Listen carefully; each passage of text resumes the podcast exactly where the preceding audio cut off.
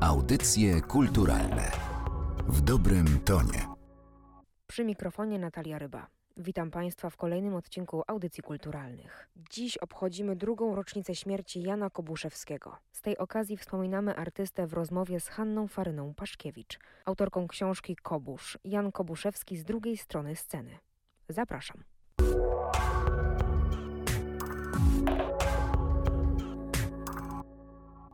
Wspominamy dzisiaj wyjątkową postać. Fantastycznego aktora, wybitnego komika, wrażliwą duszę. Jana Kobuszewskiego. Co panią skłoniło, żeby zebrać to wszystko i żeby powstała z tego książka? To był proces złożony. Tylko to była długa rozmowa jeszcze z wujem. I jeszcze wiele lat wcześniej kilkakrotnie podchodziłam, że tak powiem, do jego właśnie życia i chciałam, żeby on mi to opowiedział. A wzbraniał się, niestety. Wiem, że zrobił wyjątek dla ojców Paulinów i nagrał taką rozmowę zresztą na Jasnej Górze. Tam zamknęli go w celi takiej mnisiej.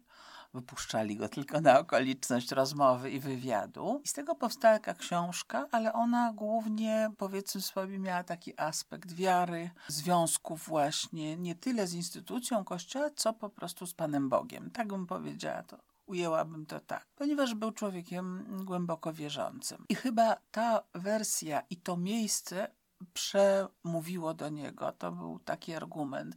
Natomiast udzielał wywiadów bardziej lub mniej chętnie dziennikarzom. Ja nie jestem dziennikarką, bynajmniej. Pomysł, żebym napisała również o wuju, wypłynął od jego córki, a mojej ciotecznej siostry, Maryny Kobuszewskiej, która zaczęła mnie gorąco namawiać, znając tamte moje książki. Po prostu wiedziała, jak ja piszę, jakie mam podejście. I to był ten klucz. Powiedziała albo ty, albo nikt. Ale to zdanie, jak ja od niej usłyszałam, to już było po śmierci wuja, czyli dwa lata temu. I ja się wtedy zaczęłam wzbraniać. O ile przedtem miałam ochotę wielką napisać, gdy on żył i mogłam z nim rozmawiać, tak już później wiedziałam, że to będzie trudne zadanie, bo jest rodzina liczna. Każdy ma coś do powiedzenia, każdy ma swoją wizję oraz e, część swojego udziału. Natomiast to są rzeczy trudne. Teraz już wiem, już dzisiaj wiem, że wybrnęłam, ale niepokój towarzyszył mi cały czas, gdy pracowałam, gdy rozmawiałam z jego żoną, a moją ciocią, gdy rozmawiałam z jego córką, z jego wnukami, do tego w pewnym momencie doszło kilka osób, które znały wuja bardzo dobrze, typu pani Olga Lipińska. No, jestem głęboko jej wdzięczna, że miała czas. Żona pana Jana Kociniaka, bo to nie była znajomość z ekranu i z e, wielokropka sprzed lat, tylko oni się autentycznie przyjaźnili. Tak się złożyło, że odpowiadali sobie i żony też odpowiadały sobie. Było dwóch Janów i dwie Hanny, tak się złożyło też. Kilka osób, które były właśnie blisko No niestety nie żyje pan Dziewoński. Rozmawiałam oczywiście z panem dyrektorem Karwańskim, który już jest emerytowany, ale miał przecież dużo do powiedzenia. Także to był bardzo ciekawy zestaw osób, a oni wszyscy mają swój obraz y, pana Jana Kobuszewskiego. Przeszłam przez archiwum y, Instytutu Teatralnego, ogromne zbiory i to właśnie takie wycinki, wycinki, ale i dokumenty. Tam znalazłam na przykład oryginał dyplomu jego po szkole szkole, to nawet w dwóch egzemplarzach. No właśnie, pan Jan Kobuszewski, mnie przynajmniej z tych wszystkich dzieł filmowych głównie, w których go widziałam, kojarzy mi się z taką postacią bardzo zabawną, charyzmatyczną. A czy on w życiu prywatnym był poważny? Bo to pytanie przyszło mi do głowy z tego względu, że mówi pani, że nie był taki za bardzo, żeby iść na ścianki, chronił swoją prywatność. Był taki może skryty, tak bym to odebrała. Zdecydowanie tak. Książka ma również, oprócz tej mojej narracji, oprócz tej dokumentacji, ma również taką część pod tytułem wspomnienia, bo część osób była tak miła, że napisała mi oprócz wywiadu, rozmowy, napisała własny tekst. Jest tych tekstów chyba około dziesięciu, wydaje mi się. Częściowo z rodziny, częściowo z osób zaprzyjaźnionych. Na przykład ślicznie napisała pani Anna Seniuk. Bardzo pięknie i ciepło napisała pani Hanna Banaszak. Krótko Krótko mówiąc, to jest taka książka wielowarstwowa, ale bynajmniej nie dominuje tu rozrywka, tylko jest to opowieść o człowieku, o chłopcu, który urodził się przed wojną, który musiał tę wojnę już sam w swojej głowie przerobić, powstanie warszawskie, wyjście z Warszawy. Wszystkie te elementy, które no, towarzyszą każdemu, powiedzmy, Polakowi, obywatelowi, warszawiakowi, wzloty i upadki. Ta kariera wcale nie toczyła się tak oczywiście i tak od razu i tak wprost. Więc wszystkie te elementy starałam się zrównoważyć w tej mojej książce. Czy rozmawiała kiedyś pani z wujem, dlaczego właściwie został aktorem i czy zawsze to było pragnienie jego serca? W ogóle nie było żadne pragnienie. On, podstawa była taka, żeby wyeliminować matematykę. To już jest coś, prawda? Jest jakaś podstawa. Wuj powiedział, że matematyka go przerastała, czyli rozumiem wszelkie nauki ścisłe. Miał akwarium, mhm, może ich teologia. Służył do mszy. Rodzina katolicka, babcia Alina, czyli jego mama, bardzo przestrzegająca, że tak powiem, kalendarza i wszelkich obowiązków obowiązków. Mało, że brał udział w mszy jako wierzący, to jeszcze brał udział jako ministrant. Mówił mi kiedyś, że miał opanowane te wszelkie odpowiedzi, tę dyskusję z księdzem, prawda, w, w czasie mszy, że wiedział o co chodzi, że nie, nie słuchał tego tylko fonetycznie, co należy odpowiedzieć, ale rozumiał te słowa, wgłębiał się. Ja myślę, że to całe dekorum takie kościelne też go interesowało. I naprawdę myślał o seminarium. Teraz sobie wyobraźmy pana Jana W sutannie. On do końca życia pozostał tym wiernym, który przestrzegał na przykład niedzielnych mszy. I jeżeli, no zdeklarowana ateistka, pani Olga Lipińska, chciała zorganizować próbę w niedzielę, załóżmy w południe, mówi, y, sorry Oleńko, ale ja jestem wtedy w kościele. Jeżeli pozwolisz, to dzień święty święćmy. Druga rzecz, też mówił mi i to też wybrzmiało, ja nawet to pamiętam w czasie pogrzebu w kościele, była mowa o tym, że nigdy świadomie nie występował w sztukach, w rolach, które wkładałyby mu w usta jakieś słowa przeciwko Kościołowi. Przyjaźnił się z księdzem Popiełuszką. Może przyjaźnił za duże słowo, ale mieli więź. Mieli więź zdecydowaną i powiedział gdzieś w którymś wywiadów, ja to wykorzystałam, że dwa razy w tej rozmowie byli bardzo blisko w takim psychicznym tego słowa znaczeniu. Dlaczego szkoła teatralna tak w ogóle? To moja mama czyli jego starsza siostra. Miał dwie siostry, które w ogóle były dużo od niego starsze. 13-14 lat, to były już kobiety, a on był jeszcze ciągle dzieckiem. Moja mama powiedziała, skoro nie umiesz się zdecydować, czy ich teologia, czy seminarium, a, a broń Boże nie matematyka, to może spróbuj, tak jest takie miejsce, że możesz być wszystkim po trochu i spróbować wielu zawodów. Sama nam to relacjonowała powielokroć w domu. I on się zdziwił, a on mówi tak, no przecież jest szkoła teatralna, gdybyś był aktorem, to myślę, że to byłoby właśnie to. Tym niemniej właśnie nie było jakichś takich fantastycznych symptomów. To nie było dziecko, które się rwało na scenę, które występowało już gdzieś tam. No zresztą była wojna przedtem, nie było nawet takich okazji. Wiadomo było, że jest muzykalny, że w domu to pianino nie marnowało się jeszcze przed wojną. On małym chłopczykiem, który miał swój repertuar i po pierwsze lubił słuchać pieśni i piosenek w wykonaniu drugiej siostry, czyli cioci Hani.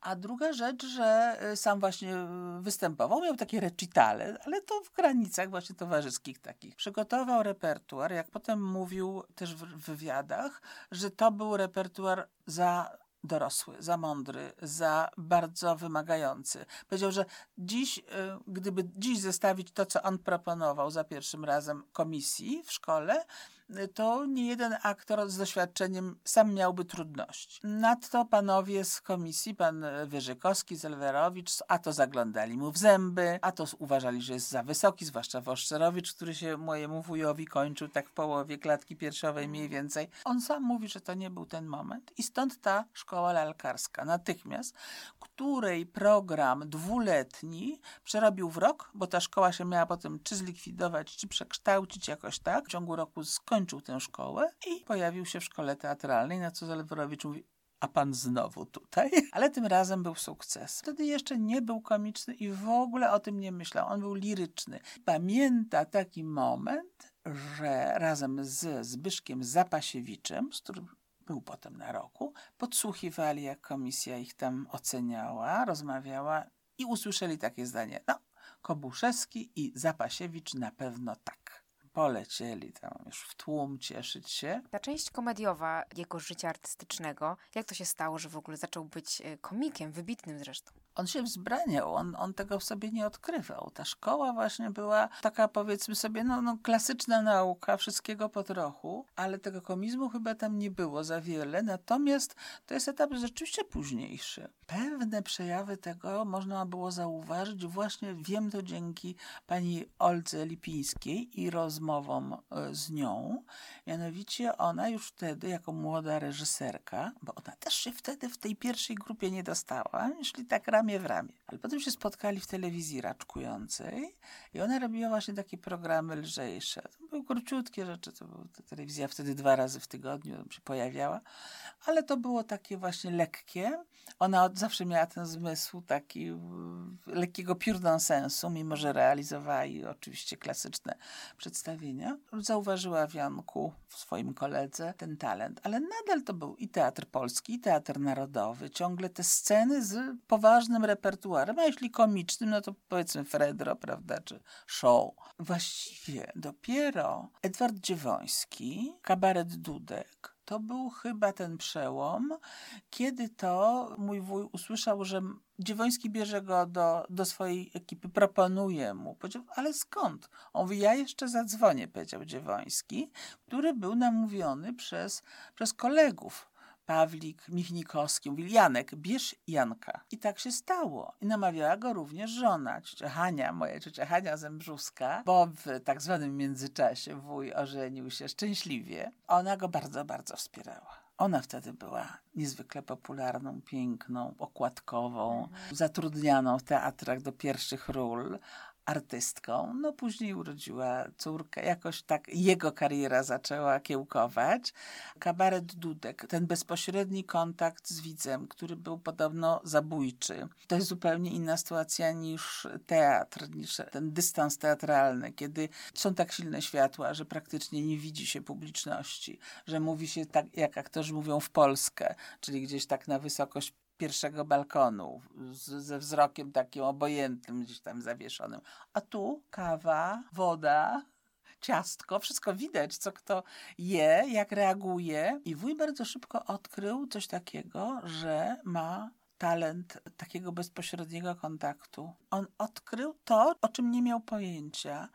Gdy już się ośmielił, odważył, podsuwano mu coraz to ciekawsze piosenki, czy teksty, czy monologi, aż doszło do słynnego, prawda, ucz się Jasiu, Stanisława Tyma, bo to jemu zawdzięczamy przede wszystkim ten tekst genialny. Ta książka też to jest taki zbiór bardzo różnych anegdot. Czy chciałaby się pani może podzielić taką jakąś swoją ulubioną, taką, która po prostu jest bliska gdzieś pani i dobrze pani wspomina jakieś zdarzenie, też związane z panią i z wujem? Takich zdarzeń może, może nie było za dużo. Myśmy mieli kontakty rodzinne, a już w rodzinie mój po prostu przychodził, był no, jednym z gości, krótko mówiąc. Żartował oczywiście, ale w ramach tak jak to każdy dzieli się czymś tam zasłyszanym w mieście. Natomiast do książki udało mi się faktycznie zebrać x takich bardzo ciekawych anegdot, nieznanych. Pani Seniuk mnie zaskoczyła. No, powiedziała mi, że no przede wszystkim czule wspominała wyjazdy z wujem w takiej dwuosobowej sztuce. Oni rzeczywiście po całym świecie z tym jeździli. Spróbujmy jeszcze raz. To był czas, kiedy wuj był przed operacją, po operacji, po tej ogromnej, ciężkiej operacji onkologicznej, która która właściwie no, zaważyła i na jego na, następnych latach życia i to był jeden wielki znak zapytania, co to będzie dalej. Powiedział kiedyś pani Seniuk taką właśnie historię, a ona mnie to powtórzyła i ta historia znalazła się w książce jestem w stanie to sobie wyobrazić. Wuj powiedział tak, wiesz, po tej ciężkiej operacji poszedłem do kościoła, do Stanisława Kostki, bo tam miał najbliżej, mieszkał na Żoliborzu. Byłem sam i zapytałem, Panie Boże, czy ja jeszcze kiedyś będę mógł napić się kieliszek wódki. Na co Pan Bóg wychylił się z nieba i powiedział, tak, Jasiu. Jakie było to życie poza sceną? Powiem pani może słowami wuja, który odchodząc z tego świata pocieszał swoją córkę i mówił, Marynko, nie płacz, jestem spełniony. Sam to określił tak. Miałem wspaniałe życie Dosłownie, ja to wiem po prostu od niej. Ona się tym pocieszała i pociesza po dzień dzisiejszy. Także trzymajmy się właśnie tych słów. Możemy się tylko domyśleć, co się za tym kryje. Na pewno sukces zawodowy, ale on tego nie pielęgnował. On zawsze podkreślał taką rzecz, że trzeba umieć pracować, ale trzeba umieć odpoczywać. Rzeczywiście bardzo dużo pracował, ale nie był pracocholikiem. Zamykał rozdział gdzieś w okolicach co roku, czerwca, końca czerwca, wyjeżdżał na Mazury i właściwie się izolował od wszystkich, oprócz bardzo, bardzo bliskiej rodziny. Rozmowy z miejscowymi, z którymi był zaprzyjaźniony, którzy byli na pogrzebie, a dziś w Miłomłynie, bo rzecz ma miejsce gdzieś tam w okolicach Miłomłyna na Warmii, w Miłomłynie jest już skwer imienia Jana Kobuszewskiego. Rozmawialiśmy z Hanną Faryną Paszkiewicz, autorką książki Kobusz Jan Kobuszewski z drugiej strony sceny. Zachęcamy do lektury. Audycje kulturalne w dobrym tonie.